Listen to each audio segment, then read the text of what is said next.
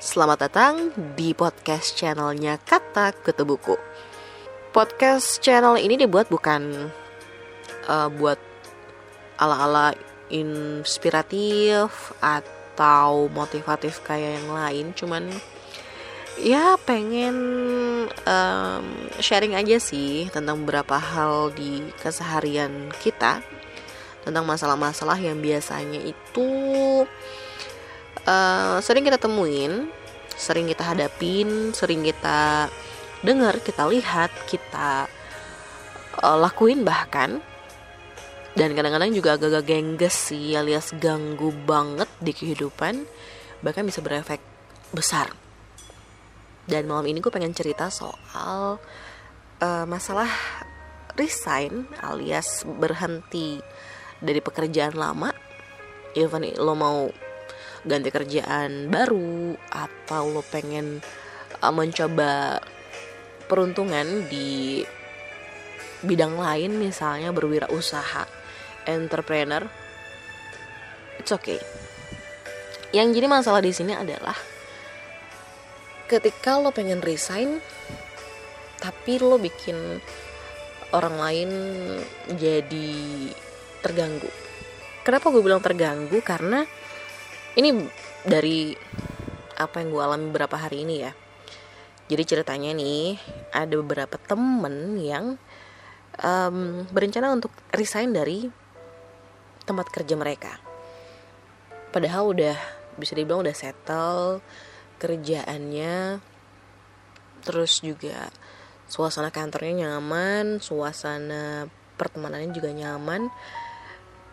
Kalau dari sisi gue sih it's okay. Maksudnya ya gak ada masalah gitu kan. Kalau masalah soal kerjaan numpuk nih tanggal-tanggal segini. Ya wajar lah kalau misalnya kerjaan gak ada numpuk. Kalau kerjaan gak ada uh, lemburnya atau misalnya kerjaan gak ada um, dinamikanya lo juga pasti bakal bosan kan? Lo pasti bakal ngerasa aduh kerjaan gue gak ada tantangannya banget ih. Duh gue nggak ngerasa tertantang. Duh gue nggak nggak ngerasa berkembang di sini. Lu ngeluh juga. Tapi ketika kerjaan jadi banyak banget lo juga akhirnya jadi nyerah. Nah ini juga terjadi sama beberapa temen gue yang um, mengutarakan niatnya buat resign dengan berbagai macam alasan.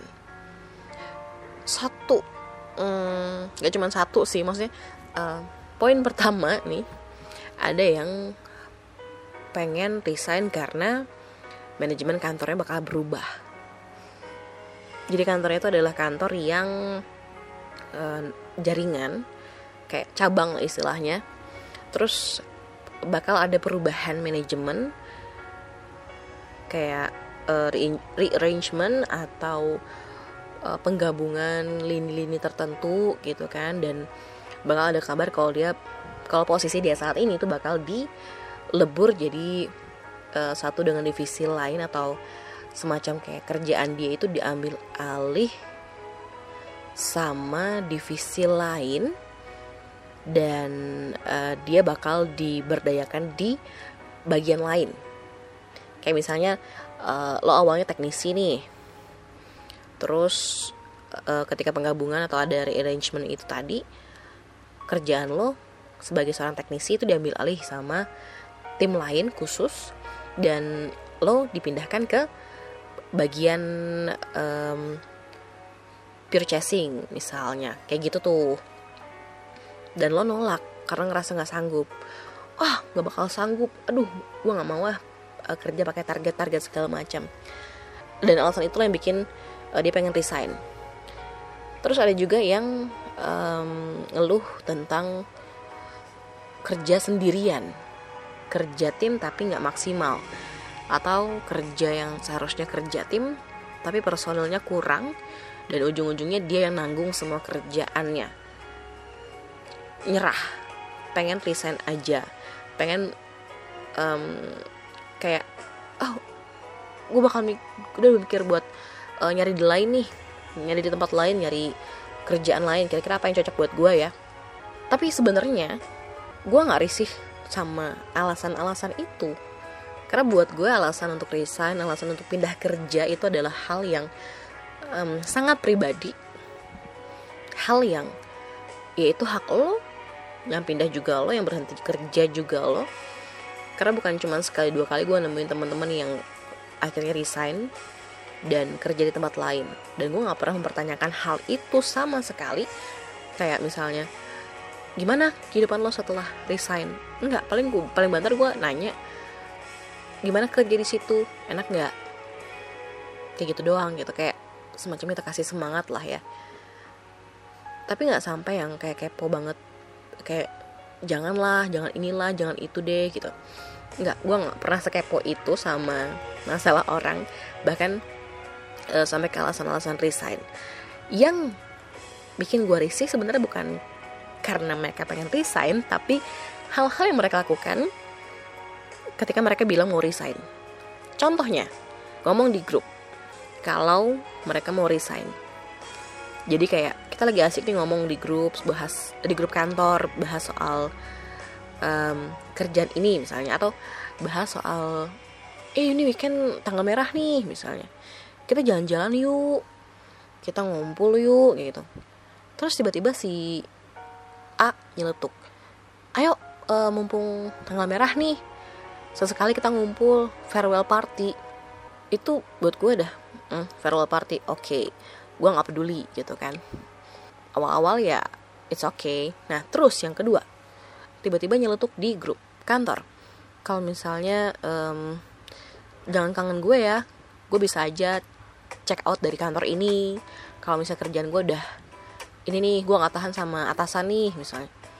Gue lebih ngapresiasi orang yang curhat ke gue secara pribadi di WA di telepon ataupun e, ngomong langsung tanpa keluar-keluar di grup banyak orang atau bahkan um, mengutarakan hal itu di sosial media. Buat gue resign itu adalah satu hal yang sakral, satu hal yang cukup lo sama atasan lo yang tahu ketika rencana lo pengen resign. Orang lain itu nggak perlu tahu alasan lo pengen resign kenapa, lo pengen pindah ke mana, kenapa, orang nggak perlu tahu yang justru harus dan berhak untuk tahu itu adalah atasan lo. Lo datang baik-baik dan lo juga harus keluar baik-baik. Seburuk apa pun hubungan lo sama atasan, dia adalah yang paling berhak untuk pertama kali tahu kalau lo pengen resign. Jangan pernah berkoar-koar duluan ke teman-teman kantor lo kalau misalnya gue pengen resign nih gue pengen resign. Duh gue nggak tahan lagi di sama ini. Duh gue nggak tahan lagi deh sama kondisi kerja yang numpuk. Duh gue gini gini gini gini.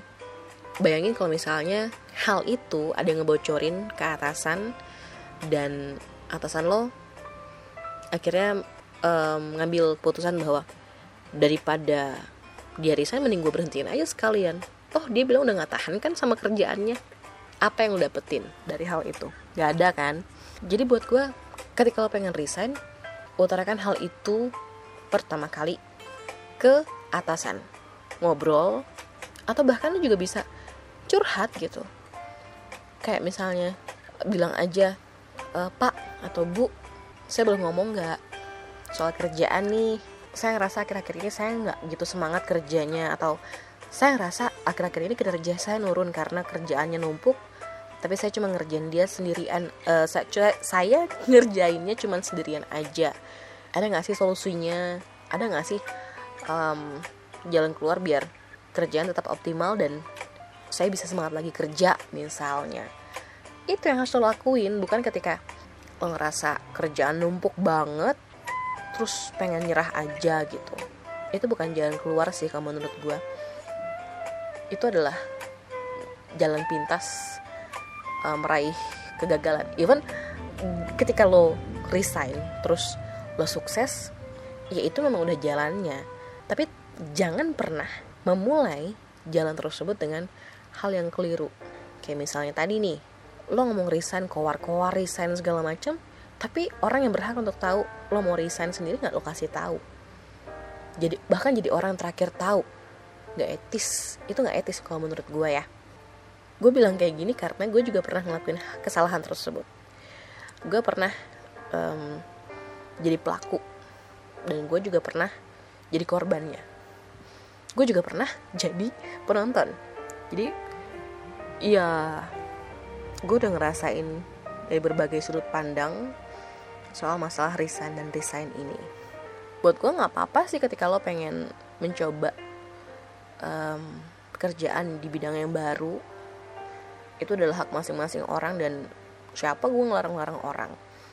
Tapi setidaknya mulailah dengan cara yang benar seperti ketika lo memulai pekerjaan itu pekerjaan yang akan lo tinggalkan lo datang dengan baik-baik dengan santun dengan ini dengan itu dan lo juga harus keluar dengan cara yang sama.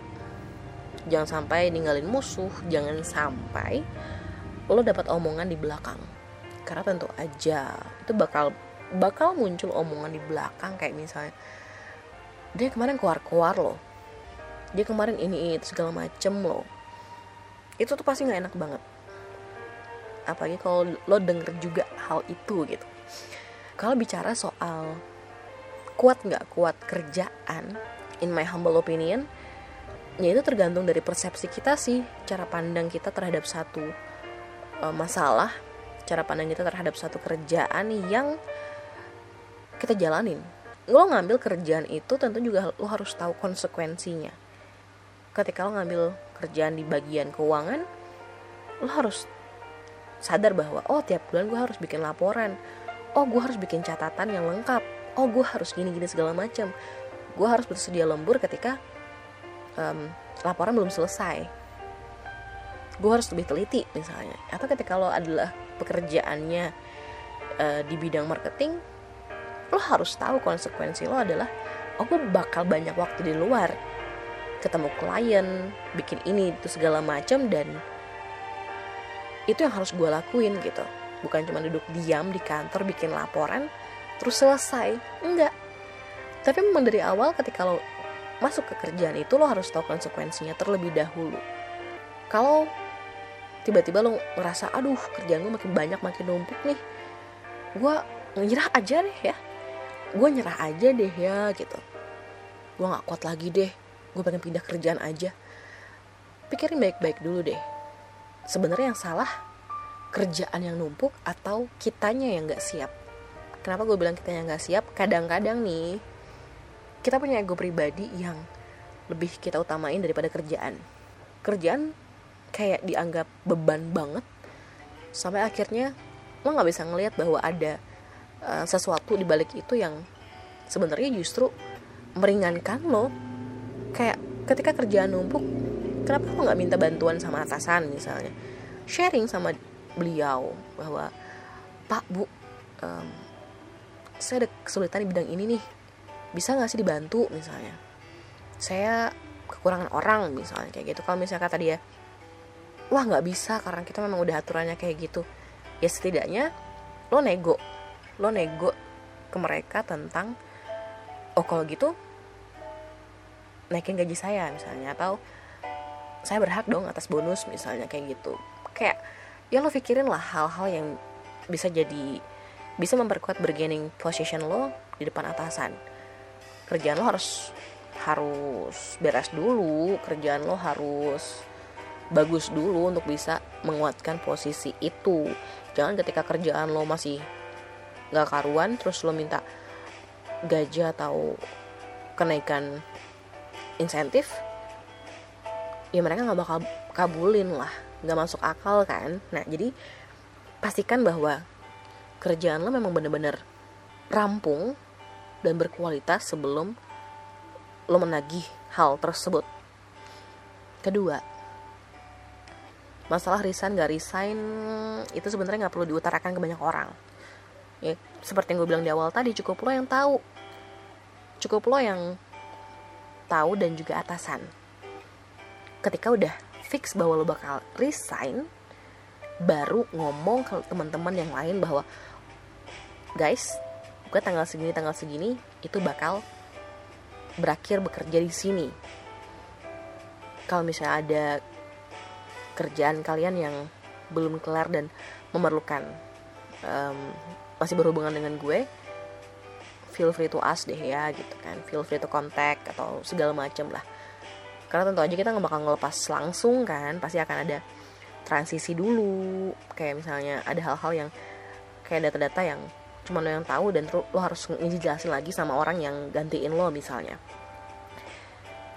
Itu jadi jangan dibalik kayak jangan dibalik teman-teman kantor lo harus tahu semuanya. Terus atasan lo taunya terakhir.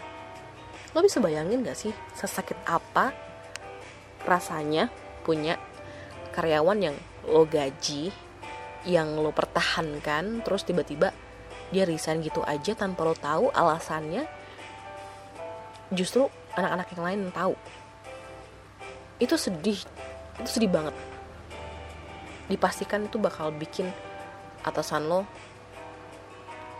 antipati sama lo untuk beberapa saat sedekat apa pun hubungan kalian.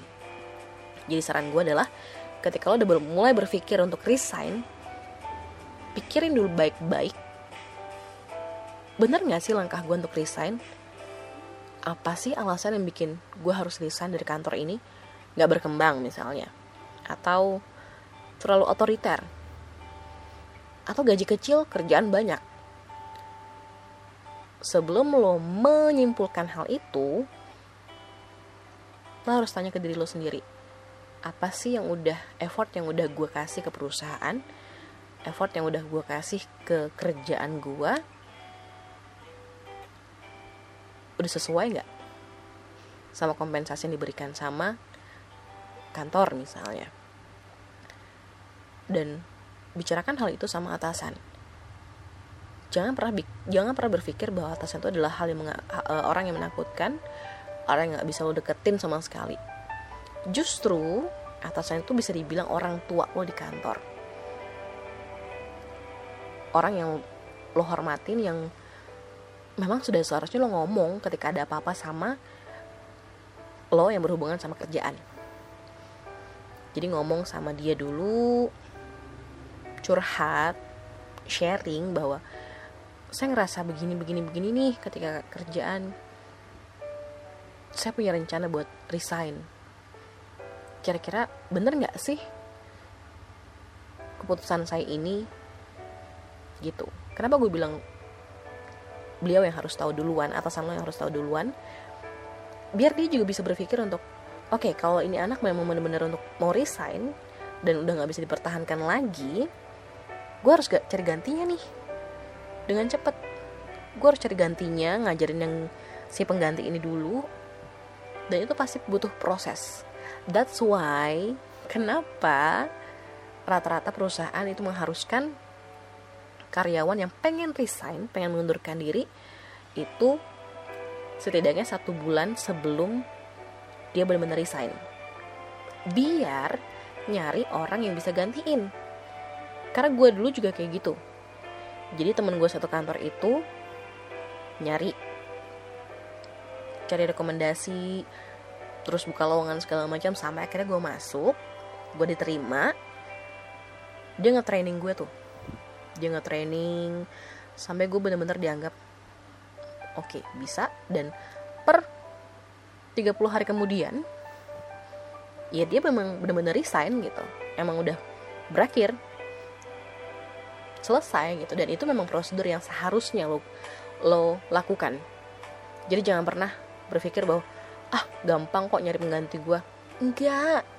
Pikirin dulu nih ketika lo resign itu nggak cuma kerjaan lo aja lo tinggal. Tapi banyak hal di belakangnya yang ikutan terganggu. Kalau misalnya kerjaan itu lo tinggal tiba-tiba. Misalnya lo pikir ketika kerjaan lo di bagian keuangan aja terus um, lo resign yang ninggalin yang lo tinggalin cuman data-data keuangan. Tapi enggak beneran enggak banyak aspek yang tergantung sama kerjaan lo. Misalnya orang admin perlu data keuangan. Ke mana dia nyari ketika lo nggak ada. Sedangkan pengganti lo belum dapet atau pengganti lo belum belum kompeten karena baru ditinggal dia baru masuk. Sehari lo udah tinggalin dia misalnya. Jadi jangan pernah pikir bahwa kalau gue resign mah gampang aja orang nyari. Gampang aja nyari penggantinya. Enggak enggak segampang itu bambang jadi pikirin baik-baik dulu sebelum lo memutuskan untuk resign. Kalau bisa kalau ragu-ragu banget nih kayak bimbang banget yaudah istiqoroh aja. Istiqoroh pikirin baik-baik baik buruknya dan alasan penguatnya tuh apa sih? Kalau misalnya hal-hal krusial kayak misalnya lo nggak bisa dapetin hak lo di kantor untuk beribadah misalnya atau lo nggak bisa dapat waktu istirahat yang cukup di kantor nggak bisa makan siang sama sekali. Lo lembur lembur tiap hari tapi gaji lo kecil di bawah UMP misalnya. Bolehlah lo berpikir untuk resign. Tapi ketika gaji lo udah di atas UMP terus waktu kerja yang cukup fleksibel suasana kantor yang nyaman yang kekeluargaan apalagi sih yang lo cari gitu bukannya malah dipertahanin. Jadi menurut gue ya pikirin baik-baik dulu sebelum memutuskan untuk resign. Udah deh gitu aja dari gue. So see you at kata kutu buku podcast channel di bahasan yang selanjutnya. Hope you enjoy